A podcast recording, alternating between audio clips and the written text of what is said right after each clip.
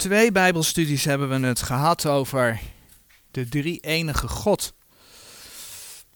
In de laatste studie hebben we met name stilgestaan bij, bij uh, het feit dat ook de Heilige Geest God is. Dat de Heilige Geest als God ook een persoon genoemd kan worden. ondanks dat de Heilige Geest een geest is. We hebben gezien dat het net is als bij het molecuul water. Bestaat uit drie atomen, toch zien wij het als water. Het is één. Dat het net is als de mens. De mens bestaat uit ziel, geest en lichaam, maar de mens is wel een eenheid. Zo is er ook één God. De Heilige Geest is niet in de Vader of in de Zoon, maar hij vormt samen met de Vader en de Zoon God. Ook hebben we stilgestaan bij 1 Johannes 5 vers 7. Een tekst waarvan velen beweren dat het niet in Gods woord hoort. Wij hebben gezien dat er wel degelijk veel bewijzen zijn dat die tekst wel in Gods woord thuis hoort. En dat de Heer zijn woord in onze Statenbijbel voor het Nederlands bewaard heeft. We hebben het zelfs aan de hand van de context gezien. Dat vers hoort bij Gods woord. God heeft zijn woord bewaard. Voor vanmorgen willen we bij een heel ander onderwerp stilstaan. Eigenlijk bij de vraag: wat vertellen we onze kinderen? En daarvoor willen we eerst een gedeelte lezen uit Gods woord. En dat vinden we in Deuteronomium 6. Deuteronomium 6 vanaf vers 1.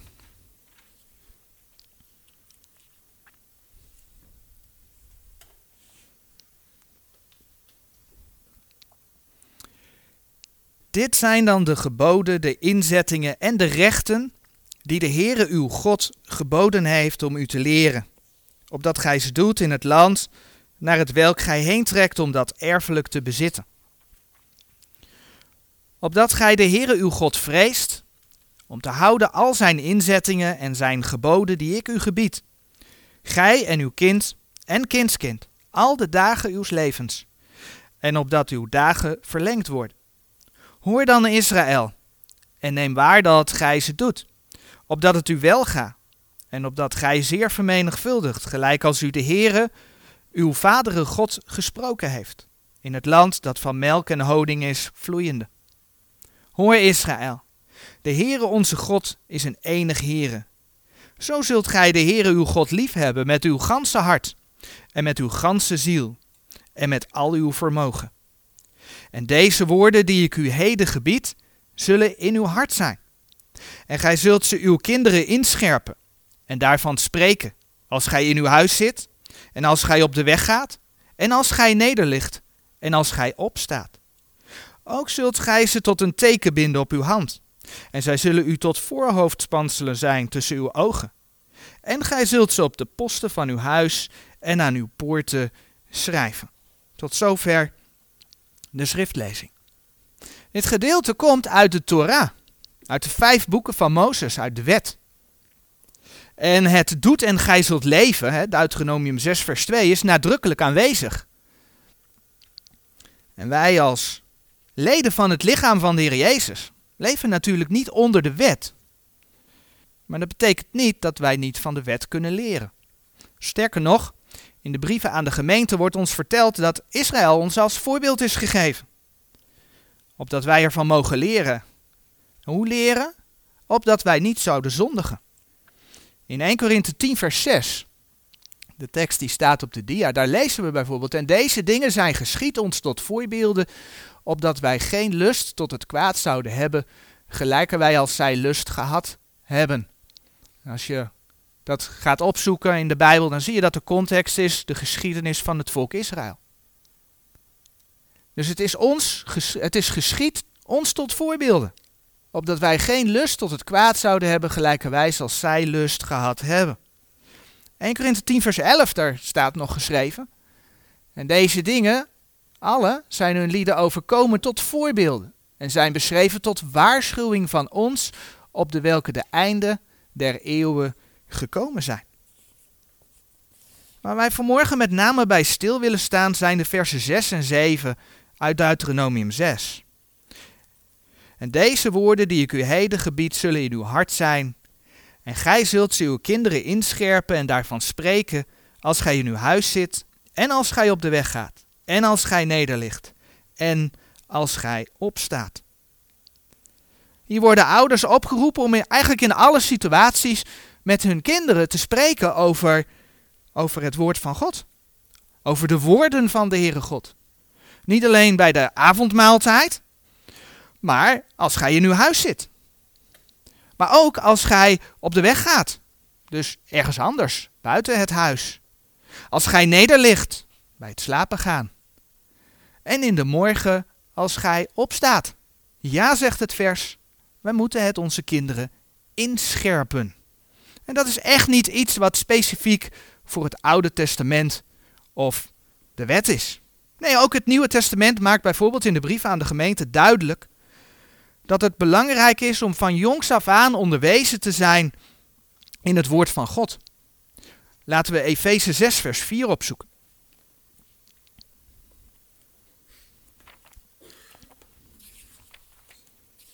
Efeze, hoofdstuk 6, het vierde vers. Dan krijgen de vaders een, uh, een opdracht. En gij vaders, verwekt uw kinderen niet tot toren, maar voed hen op in de lering en vermaning des Heren. Zo lezen we dat Paulus aan Timotheus schrijft en de tekst komt op de dia in 2 Timotheus 3 vers 15. En dat gij van kinds af de heilige schriften geweten hebt, die u wijs kunnen maken tot zaligheid door het geloof het welk in Christus Jezus is. Als je dan in 2 Timotheus 1 vers 5 leest, dan zie je dat Timotheus het geleerd heeft van zijn moeder Eunice. En zijn moeder heeft het weer geleerd van haar moeder Lois. En kijk wat er dan staat, hè. Hij heeft van kinds af de heilige schriften geweten. En dan is dus de vraag vanmorgen, wat vertellen wij onze kinderen? Allereerst is het goed om te zien hoe de Heer naar kinderen kijkt. Nou, kinderen zijn een geschenk, zegt de Heere God in zijn woord. Je ziet het aan de manier waarop Gods woord over kinderen spreekt. Bijvoorbeeld in Genesis 33, vers 5. De tekst staat op de dia. Dat is de situatie dat Jacob Esau ontmoet. En wat gebeurt er dan? Genesis 33, vers 5. Daarna hief hij zijn ogen op, dat is Esau, en zag die vrouwen en die kinderen en zeide: Wie zijn deze bij u? En hij, dat is Jacob, zeide: De kinderen die God uw knecht genadiglijk verleend heeft. Psalm 127, vers 3 zegt.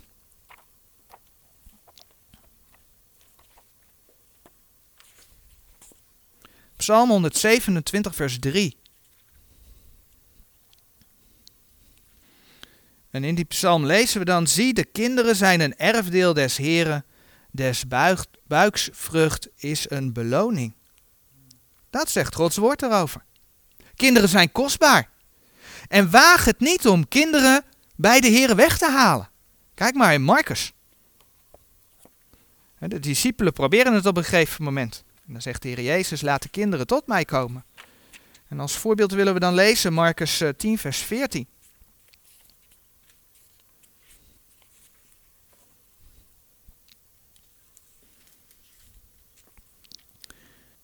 En dan lezen we, maar Jezus dat ziende nam het zeer kwalijk en zeide tot hen, laat de kinderkens tot mij komen en verhindert hen niet, want de zulke is het koninkrijk Gods.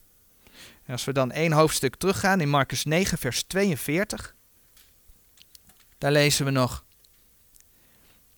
En zo wie één van deze kleinen die in mij geloven ergert, het ware hem beter dat een molensteen zijn hals gedaan waren, om zijn hals gedaan waren, en dat hij in de zee geworpen waren. De woorden van de Heer zijn duidelijk. En het zegt natuurlijk iets over bijvoorbeeld ons onderwijssysteem. Een onderwijssysteem waarin de tien geboden vervangen zijn door antipestprogramma's. Of waarin kinderen leren dat er evolutie is. Waarmee ontkend wordt dat God de hemel en de aarde geschapen heeft, zoals de Bijbel dat zegt waarin onderwijzers zeggen dat de Bijbelse verhalen lang geleden gebeurd zijn, dus dat we niet zeker kunnen weten of alles wel helemaal klopt. of waarin de Bijbel ten ene male gewoon ontkend wordt. Maar daar wil ik het vanmorgen niet over hebben. Ik wil iets dichter bij huis komen. Wij zijn denk ik allemaal grootgebracht in een tijd dat we het heel normaal vinden dat kinderen een eigen samenkomst hebben. In de kerk heette dat dan de kindernevendienst. En misschien zijn er nog wel andere namen, hè? zondagsschool, kinderkerk. En ja, de boodschap voor kinderen die moet natuurlijk wel aangepast worden. Want ja, het moet zo eenvoudig mogelijk zijn. Anders begrijpen ze het niet, is de gedachte. Het moet de kinderen wel aanspreken. Zo zegt men. En ik denk dat menige samenkomst voor kinderen tegenwoordig veranderd is in een heus feestje. Je ziet het ook aan de zogenaamde kinderbijbels. Die verhalen die moeten vooral lekker lezen. En misschien ook wel enigszins spannend zijn, hè? want ja, het moet de aandacht van de kinderen wel trekken.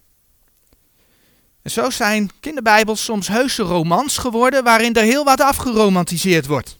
En ook zie je dan, als je die kinderbijbels gaat lezen, dat daar de visie van de auteur op de Bijbel natuurlijk uh, een rol gaat spelen. En als voorbeeld, als voorbeeld wil ik uh, vanmorgen een stukje lezen uit de Bijbel voor kinderen, verhalen uit de schatkamer van het Oude en Nieuwe Testament. En ik ga daar voorlezen. We blijven bij Abraham. Het verhaal God spreekt met Abraham. Op een avond had Abraham nog even naar zijn kudde schapen gekeken. Onderweg zei hij tegen zichzelf: Ik heb alles. Waarom voelt het dan of ik helemaal niets heb? Terwijl hij zo in zichzelf praatte, ging de zon stralend onder.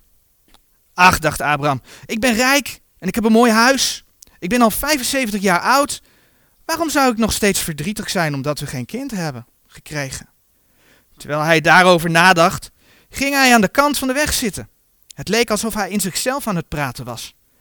Maar het leek ook of een andere stem hem steeds antwoord gaf. Eerst dacht hij dat hij het zich maar verbeelde, of dat het de wind was die met de takken van de bomen speelde. Abraham, dat had hij toch duidelijk gehoord. Het was geen stemmetje in zijn hoofd. Het was een mooie, diepe stem die van overal om hem heen scheen te komen. Ik ben de Heer, je God, hoorde hij. Onmiddellijk sprong Abraham op, want hij was er bang van geworden. Wie was dat? In Haran aanbaden de mensen veel goden. Overal stonden altaren en kleine tempels. Maar dit was de stem van de Heer zijn God. Abraham, je moet weg uit dit land. Daar was die geheimzinnige stem weer. Hoe Abraham ook om zich heen keek, hij zag niemand. Alleen de lichtjes van de stad en de sterren aan de hemel. Weggaan? vroeg hij. Je moet alles achterlaten, je volk en je huis. Zacht fluisterend herhaalde Abraham het bevel. Op de een of andere manier wist hij dat hij het bevel moest opvolgen. Ga naar het land dat ik je zal wijzen. De stem van God klonk heel duidelijk. Ik zal je tot een machtig volk maken en jullie zegenen. Ondertussen was Sarah erg ongerust. Waar bleef Abraham toch? Zou er onderweg iets zijn gebeurd? Als hij er niet meer was, had ze helemaal niets meer. Bestorgd stond ze in de deuropening. En toen zag ze iemand die zwaaiend door de straat rende. Sarah, Sarah, we moeten gaan. Gaan? Waar had hij het over? We moeten weg uit Haran. Weg uit Haran? Weg van huis? Waarom? Wat is er gebeurd? Abraham rende het huis in. We moeten de bedienden roepen. We moeten het hun vertellen. En dan moeten ze alles in orde maken voor de reis. Wat is dit voor waanzin? Moeten we ons land verlaten? Ons thuis, onze familie? De Heer wil het zo. Even keken ze elkaar aan. Ze begrepen elkaar meteen. Sarah hield al meer dan vijftig jaar van hem.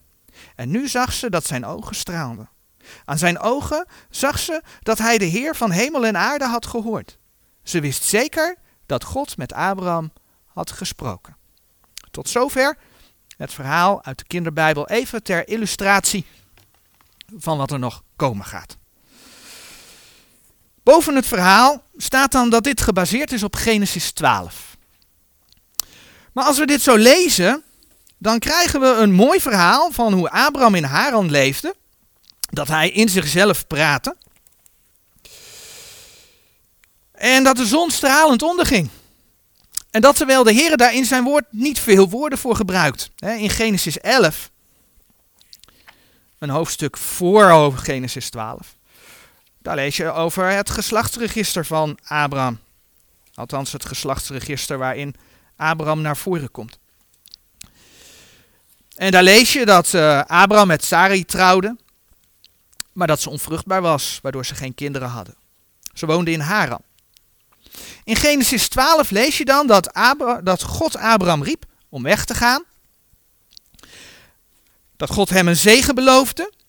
En je leest dat Abraham ging. Hij ging op reis. Maar al die andere details worden er dus bij verzonnen. Om er een mooi verhaal van te maken. En ja, de zon die zal vast geschenen hebben. Maar of dat ook was op de dag dat God Abraham riep, dat staat niet in de Bijbel. En misschien zeg je dan, waar doe jij moeilijk over? Een zonnetje aan de lucht, dat is toch niet essentieel? Maar misschien snap je waar ik naartoe wil. Er wordt het een en ander bij verzonnen. En daar blijft het dan niet bij. Het blijft niet bij een zonnetje aan de lucht. We krijgen een Abraham voorgespiegeld die zich bedenkt dat hij niet meer verdrietig moet zijn omdat hij geen kinderen heeft. Maar dat is tegenstrijdig met wat de Bijbel laat zien. Want als je in Genesis 15, vers 2 en 3 kijkt.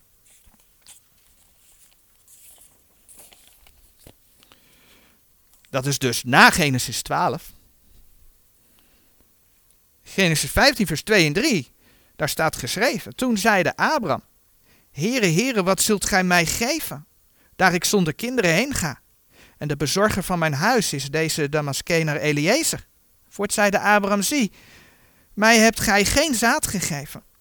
En zie, de zoon van mijn huis zal mijn erfgenaam zijn. Abraham zat er wel degelijk in Genesis 15 nog over in dat hij geen kind had. En dan staat er in Genesis 15, na de belofte van Genesis 15, eh, vers 5, dat Abraham tot een groot volk geschreven wordt, dan staat er weliswaar geschreven, en hij geloofde in de Here en hij rekende het hem tot gerechtigheid. Dat komt na de belofte van Genesis 15, vers 5. Op dat moment zou je misschien kunnen spreken van gerustheid bij Abraham, omdat hij geloof had. Maar dat was in Haran nog niet het geval, zoals we in die kinderbijbel blijkbaar gesuggereerd wordt. En tussen de regels door krijg je in het verhaal van die kinderbijbel ook nog het gezegde mee: het was geen stemmetje in zijn hoofd. En natuurlijk weet ik dat dat tegenwoordig veel voor de eigen gedachten gebruikt wordt. Maar het is geen bijbels gezegde. En sterker nog, er zijn mensen die stemmen horen. En die de Heer nodig hebben om daar los van te komen. Als je dan gaat kijken op uh, een stem horen, dan kom je al gauw bij dingen als je ik, je strenge ik, je andere ik. En dan begeven we ons toch echt in de wereld van de New Age. De geestenwereld. Waar we beter verre van kunnen blijven. Volgens Gods woord. En dan, terug naar het verhaal in die kinderbijbel, hoort Abraham toch echt de Heere God spreken. Het was een mooie, diepe stem. Die overal om hem heen, van overal om hem heen scheen te komen. Een stem die iets verderop in het verhaal geheimzinnig genoemd wordt. Maar waar haalt men dat vandaan? Een mooie diepe stem. In Ezekiel 43, vers 2, hebben we de vorige keer volgens mij ook gelezen. Daar lezen we. En zie, de heerlijkheid van de God Israëls kwam van de weg naar het oosten en zijn stem was als het geruis van vele wateren. En de aarde werd verlicht van zijn heerlijkheid.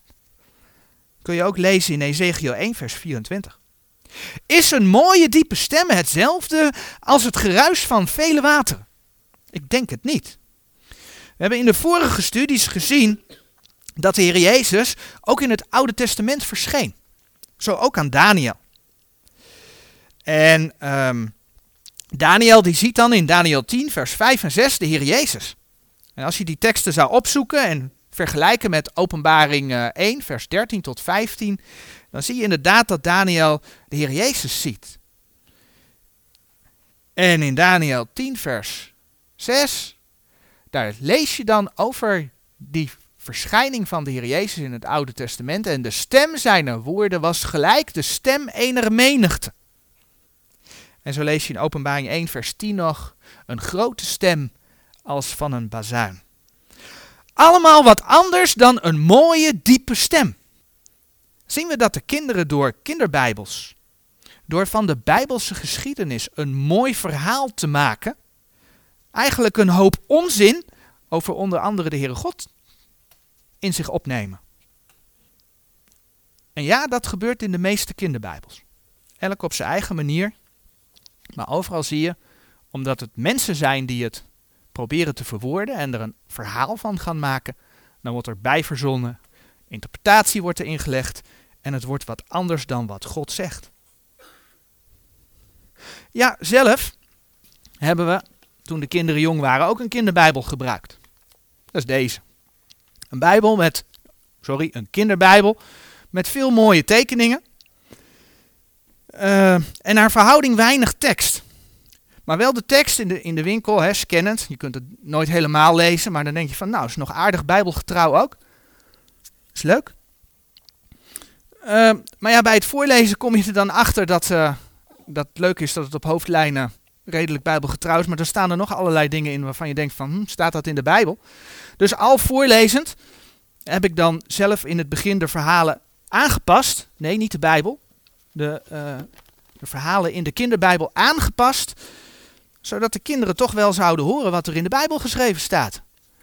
En niet al die, uh, die onzin over de, die, die, die, die anderen over de Heer God vertellen. Maar weet je, het is het allermooiste als je je kind zo snel mogelijk in aanraking brengt met het echte woord van God. En ja, gewoon in de Statenbijbel. Van Timotheus lazen we ook dat hij van kinds af, van kinds af, de heilige schriften geweten heeft. Al jong leerde hij de heilige schriften. Nee, geen kinderbijbel, maar de heilige schriften zelf. En hoe mooi lezen we dan in Spreuken 22 vers 6? Laten we dat vers erbij pakken.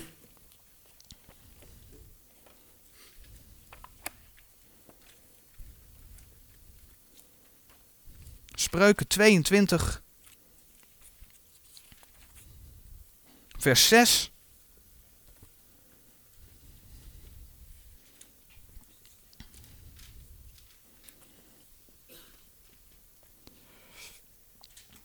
Spreuken 22, vers 6. Leer de jongen de eerste beginselen naar de eis zijns wegs. Als hij ook oud zal geworden zijn, zal hij daarvan niet afwijken. Wanneer we de Bijbel lezen, dan weten we dat de Heer ons oproept om onderwezen te zijn in zijn woord. Zo schrijft Lucas dat hij in Lucas 1, vers 3 alles van voren aan naarstiglijk onderzocht heeft. hij heeft alles goed onderzocht. En waarom heeft hij dat gedaan? Lucas 1, vers 4, de tekst die verschijnt op de dia. Opdat gij moogt kennen de zekerheid der dingen waarvan gij onderwezen zijt. En dan lezen we in Colossense 3, vers 16, ook die tekst die verschijnt op de dia. Nog het woord van Christus wonen rijkelijk in u. In alle wijsheid. Leert en vermaant elkander met psalmen en lofzangen en geestelijke liedekens, zingende de Here met aangenaamheid in uw hart. Het gaat erom dat de woorden des Heren rijkelijk in ons wonen. Dat we goed onderwezen zijn in zijn woord. Maar wanneer beginnen we daarmee? De Bijbel laat zien dat je daar al heel jong mee moet beginnen. Net zoals Timotheus. Maar dus ook Spreuken 22, vers 6 zegt: Leer de jongen de eerste beginselen naar de eis zijns, weg, zijns wegs. En dan zit daar in feite nog een belofte aan vast. als hij ook oud zal geworden zijn, zal hij daarvan niet afwijken. Nou, in de kanttekeningen bij de Statenbijbel staat er bij Spreuken 22, vers 6 de volgende mooie toelichting bij het woordje leer leer de jongen. Het Hebreeuwse woord betekent eigenlijk iemand van jongs af in enige wetenschap en voornamelijk in de fundamenten der heilige leer tot zaligheid zijner ziel onderwijzen. Nu wordt hier gesproken over in de fundamenten der heilige leer. Maar als we Gods woord erbij nemen, schrift met schrift vergelijkend, 2 Timotheus 3 vers 15, dan weten we dat het gaat om de woorden Gods. Zoals Timotheus van kinds af de heilige schriften leerde. Zo noemde ik al even dat we gewend zijn om kinderen naar een aparte kindersamenkomst te sturen. En ook dat men er tegenwoordig ja, eigenlijk alles voor in het werk stelt om dat heuse feestjes te laten zijn. En natuurlijk, hè, er zijn zondagsscholen waar kinderen wel degelijk uit de Bijbel horen. Ik wil dat wel even gezegd hebben. Er zijn zondagsscholen waar kinderen wel degelijk uit de Bijbel horen. En horen dat de Heer Jezus voor hen uh, wat de Heer Jezus voor hen gedaan heeft. En die mensen doen goed werk. Maar het gaat mij om de gewoonte dat de kinderen ergens anders naartoe gestuurd worden, waar het vaak om een verhaal gaat en om leuke dingen doen. Ik durf op grond van Gods woord te beweren dat het eigenlijk beter is om kinderen zo snel mogelijk gewoon bij de samenkomst te laten zijn. En ook daarin geldt namelijk dat het erom gaat dat ook kinderen het woord van God zelf horen en niet een verhaaltje over Gods woord. Ook daarvan vinden we in Gods woord namelijk mooie voorbeelden. Wanneer de Israëlieten het beloofde land zijn ingekomen, dan hebben zij van Mozes de opdracht gekregen om onder andere een stenen altaar te maken, maar ook om de wet voor te lezen. En dat lees je allemaal in Deuteronomium 27. Maar in Jozua 8 zien we dat gebeuren. En daar bladeren we naartoe. Jozua 8. Genesis, Exodus, Leviticus, Numeri, Deuteronomium, Jozua. Jozua hoofdstuk 8.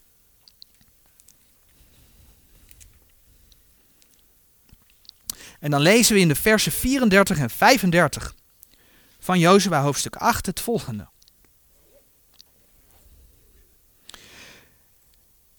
En daarna las hij overluid al de woorden der wet, de zegening en de vloek, naar alles wat in het wetboek geschreven staat. Er was niet één woord van al hetgeen dat Mozes geboden had, dat Jozua niet overluid las voor de gehele gemeente Gods. Sorry, Israëls. En de vrouwen, en de kleine kinderen, en de vreemdelingen die in het midden van hen wandelden. Jozua las al de woorden der wet. We zien ook dat hij er niet een mooier verhaaltje van maakte, want hij las de zegening en de vloek. Maar wat we daar ook lezen, is dat dat gebeurde waar het hele volk bij was. Dus niet alleen de mannen, niet alleen de mannen en de vrouwen, maar de mannen, de vrouwen en de kinderen. En dan staat er zelfs bij de kleine kinderen. En reken er maar niet op dat Joshua een kinderbijbel gebruikte. Alleen door Gods woorden te lezen, weet je hoe je je weg moet gaan. Psalm 119, vers 105. We hebben het vanmorgen gezongen. Uw woord is een lamp voor mijn voeten en een licht voor mijn pad. Of zoals het vers ervoor zegt, vers 104. Uit uw bevelen krijg ik verstand, daarom haat ik alle leugenpaden. Gods bevelen lezen we in zijn woord. Daardoor krijgt een mens verstand. Daardoor leert de mens om leugenpaden te haten en die niet op te gaan. Hoe kan een kind leren in waarheid te wandelen als hij Gods woord niet te horen krijgt? Psalm 119, vers 9. Waarmede zal de jongeling zijn pad zuiver houden, als hij dat houdt naar uw woord? Maar de Statenbijbel is zo moeilijk. Hoor je dan al gauw? Ik denk dat het een kwestie van wennen is. Door al vroeg de taal van de Statenbijbel te horen. En ook de uitleg bij moeilijke woorden te krijgen. Lezen ze de, leren ze de Statenbijbel begrijpen. En dat geldt ook voor de samenkomst.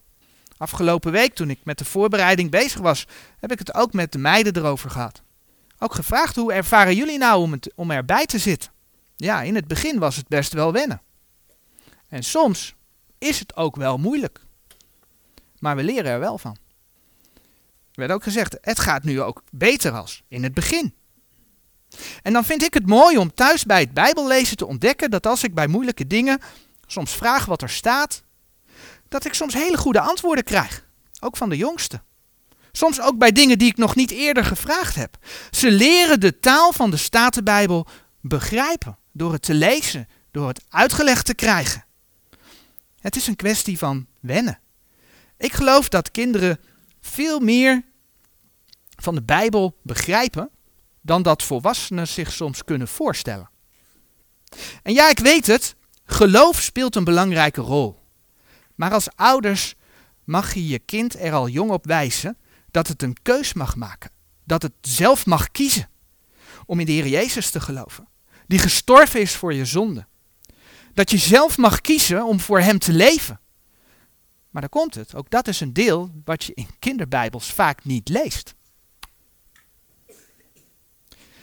Maar wat je dus je kinderen wel kunt vertellen, door zelf de Bijbel te lezen, door zelf de Bijbel voor te lezen.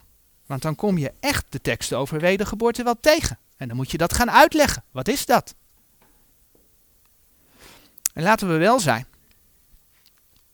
Hoe snel gaan de kinderen naar school?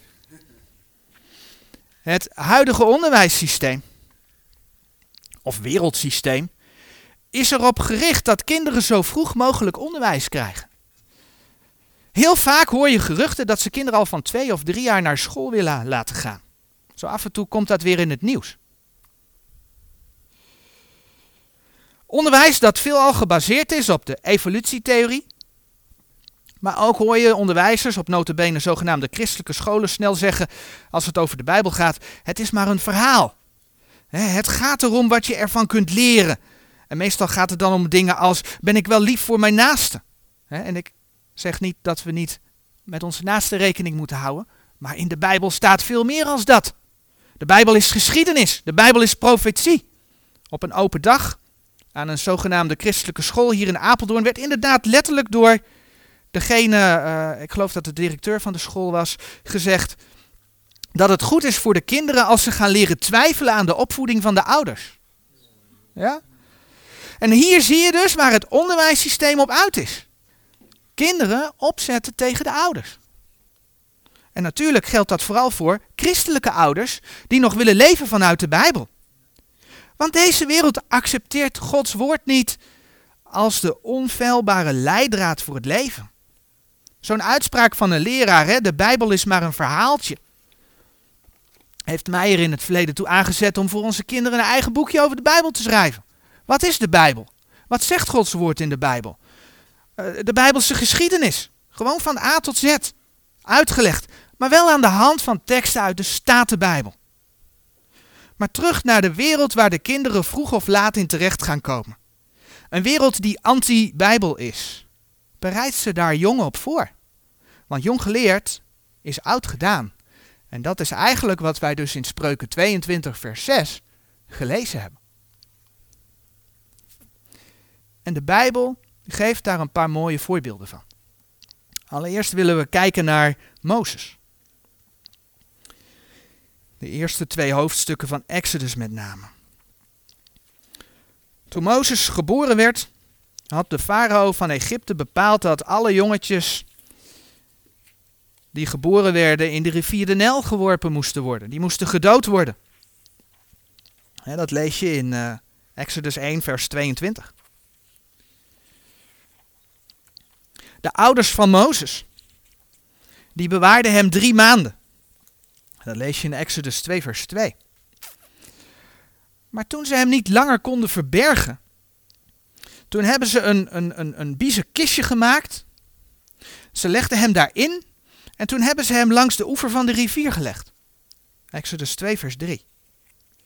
De dochter van Farao die vindt dat kistje. Die kreeg medelijden met het jongetje. We kennen het wel, denk ik. En Mozes' zus Mirjam, die weet dan wel iemand die zo lang voor het kindje kan zorgen. En zo komt Mozes terug bij zijn moeder. Exodus 2, vers 7 en 8. Er staat in Exodus 2, vers 9 dat zij nam het knechtje en zoogde het. Maar in het volgende vers, Exodus 2, vers 10, daar lezen we.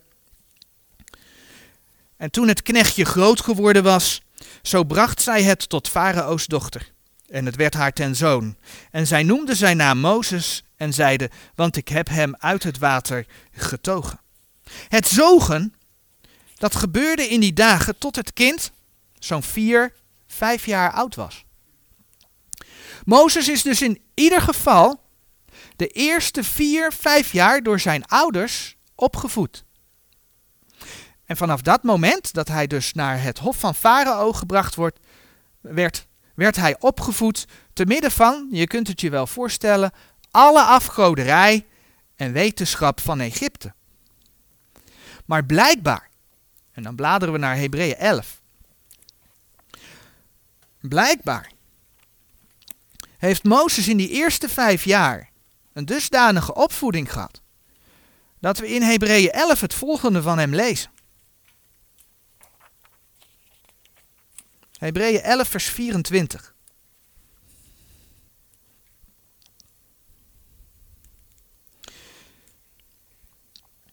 Hebreeën 11, vers 24. Door het geloof heeft Mozes, nu groot geworden zijnde, geweigerd een zoon van Farao's dochter genaamd te worden. Verkiezende liever met het volk Gods kwalijk behandeld te worden, dan voor een tijd de genieting der zonde te hebben. Achtende de versmaadheid van Christus meerdere rijkdom te zijn dan de schatten in Egypte, want hij zag op de vergelding des loons. Door het geloof heeft hij Egypte verlaten, niet vrezende de toren des konings, want hij hield zich vast als ziende de onzienlijke.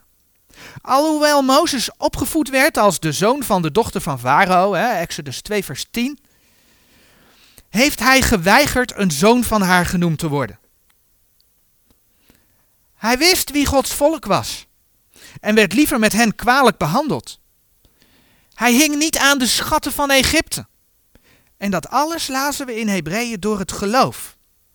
Blijkbaar heeft Mozes in zijn opvoeding van zijn vader en moeder de eerste vijf jaar van zijn leven genoeg meegekregen om op die manier stand te kunnen houden te midden van het wereldse en afgodische Egypte. Want die vijf jaar zijn voor Mozes de enige mogelijkheid geweest om die dingen te weten. En het geloof in de God, de God van de Bijbel, te kunnen hebben gekregen. Egypte heeft hem dat niet bijgebracht. En misschien was Mozes nog te jong om te kunnen lezen toen hij daar naartoe ging. alhoewel dat in die tijd natuurlijk niet speelde, want Mozes heeft de eerste vijf boeken van de wet geschreven. Maar het geloof, zegt Gods woord, is uit het gehoor. En het gehoor door het woord Gods. Romeinen 10, vers 17. Dat is wat Gods woord ons laat zien. Hoe mooi spreekt hieruit wat we in Spreuken 22, vers 6 hebben gelezen. Leer de jongen de eerste beginselen naar de eis zijns wegs. Als hij ook oud zal geworden zijn, zal hij daarvan niet afwijken. Daarom, begin zo vroeg mogelijk met je kinderen voor te lezen uit Gods woord.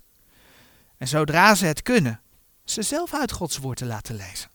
Een laatste voorbeeld voor vanmorgen vinden we in het leven van Samuel. En dan bladeren we naar 1 Samuel. 1 Samuel, de eerste twee, drie hoofdstukken.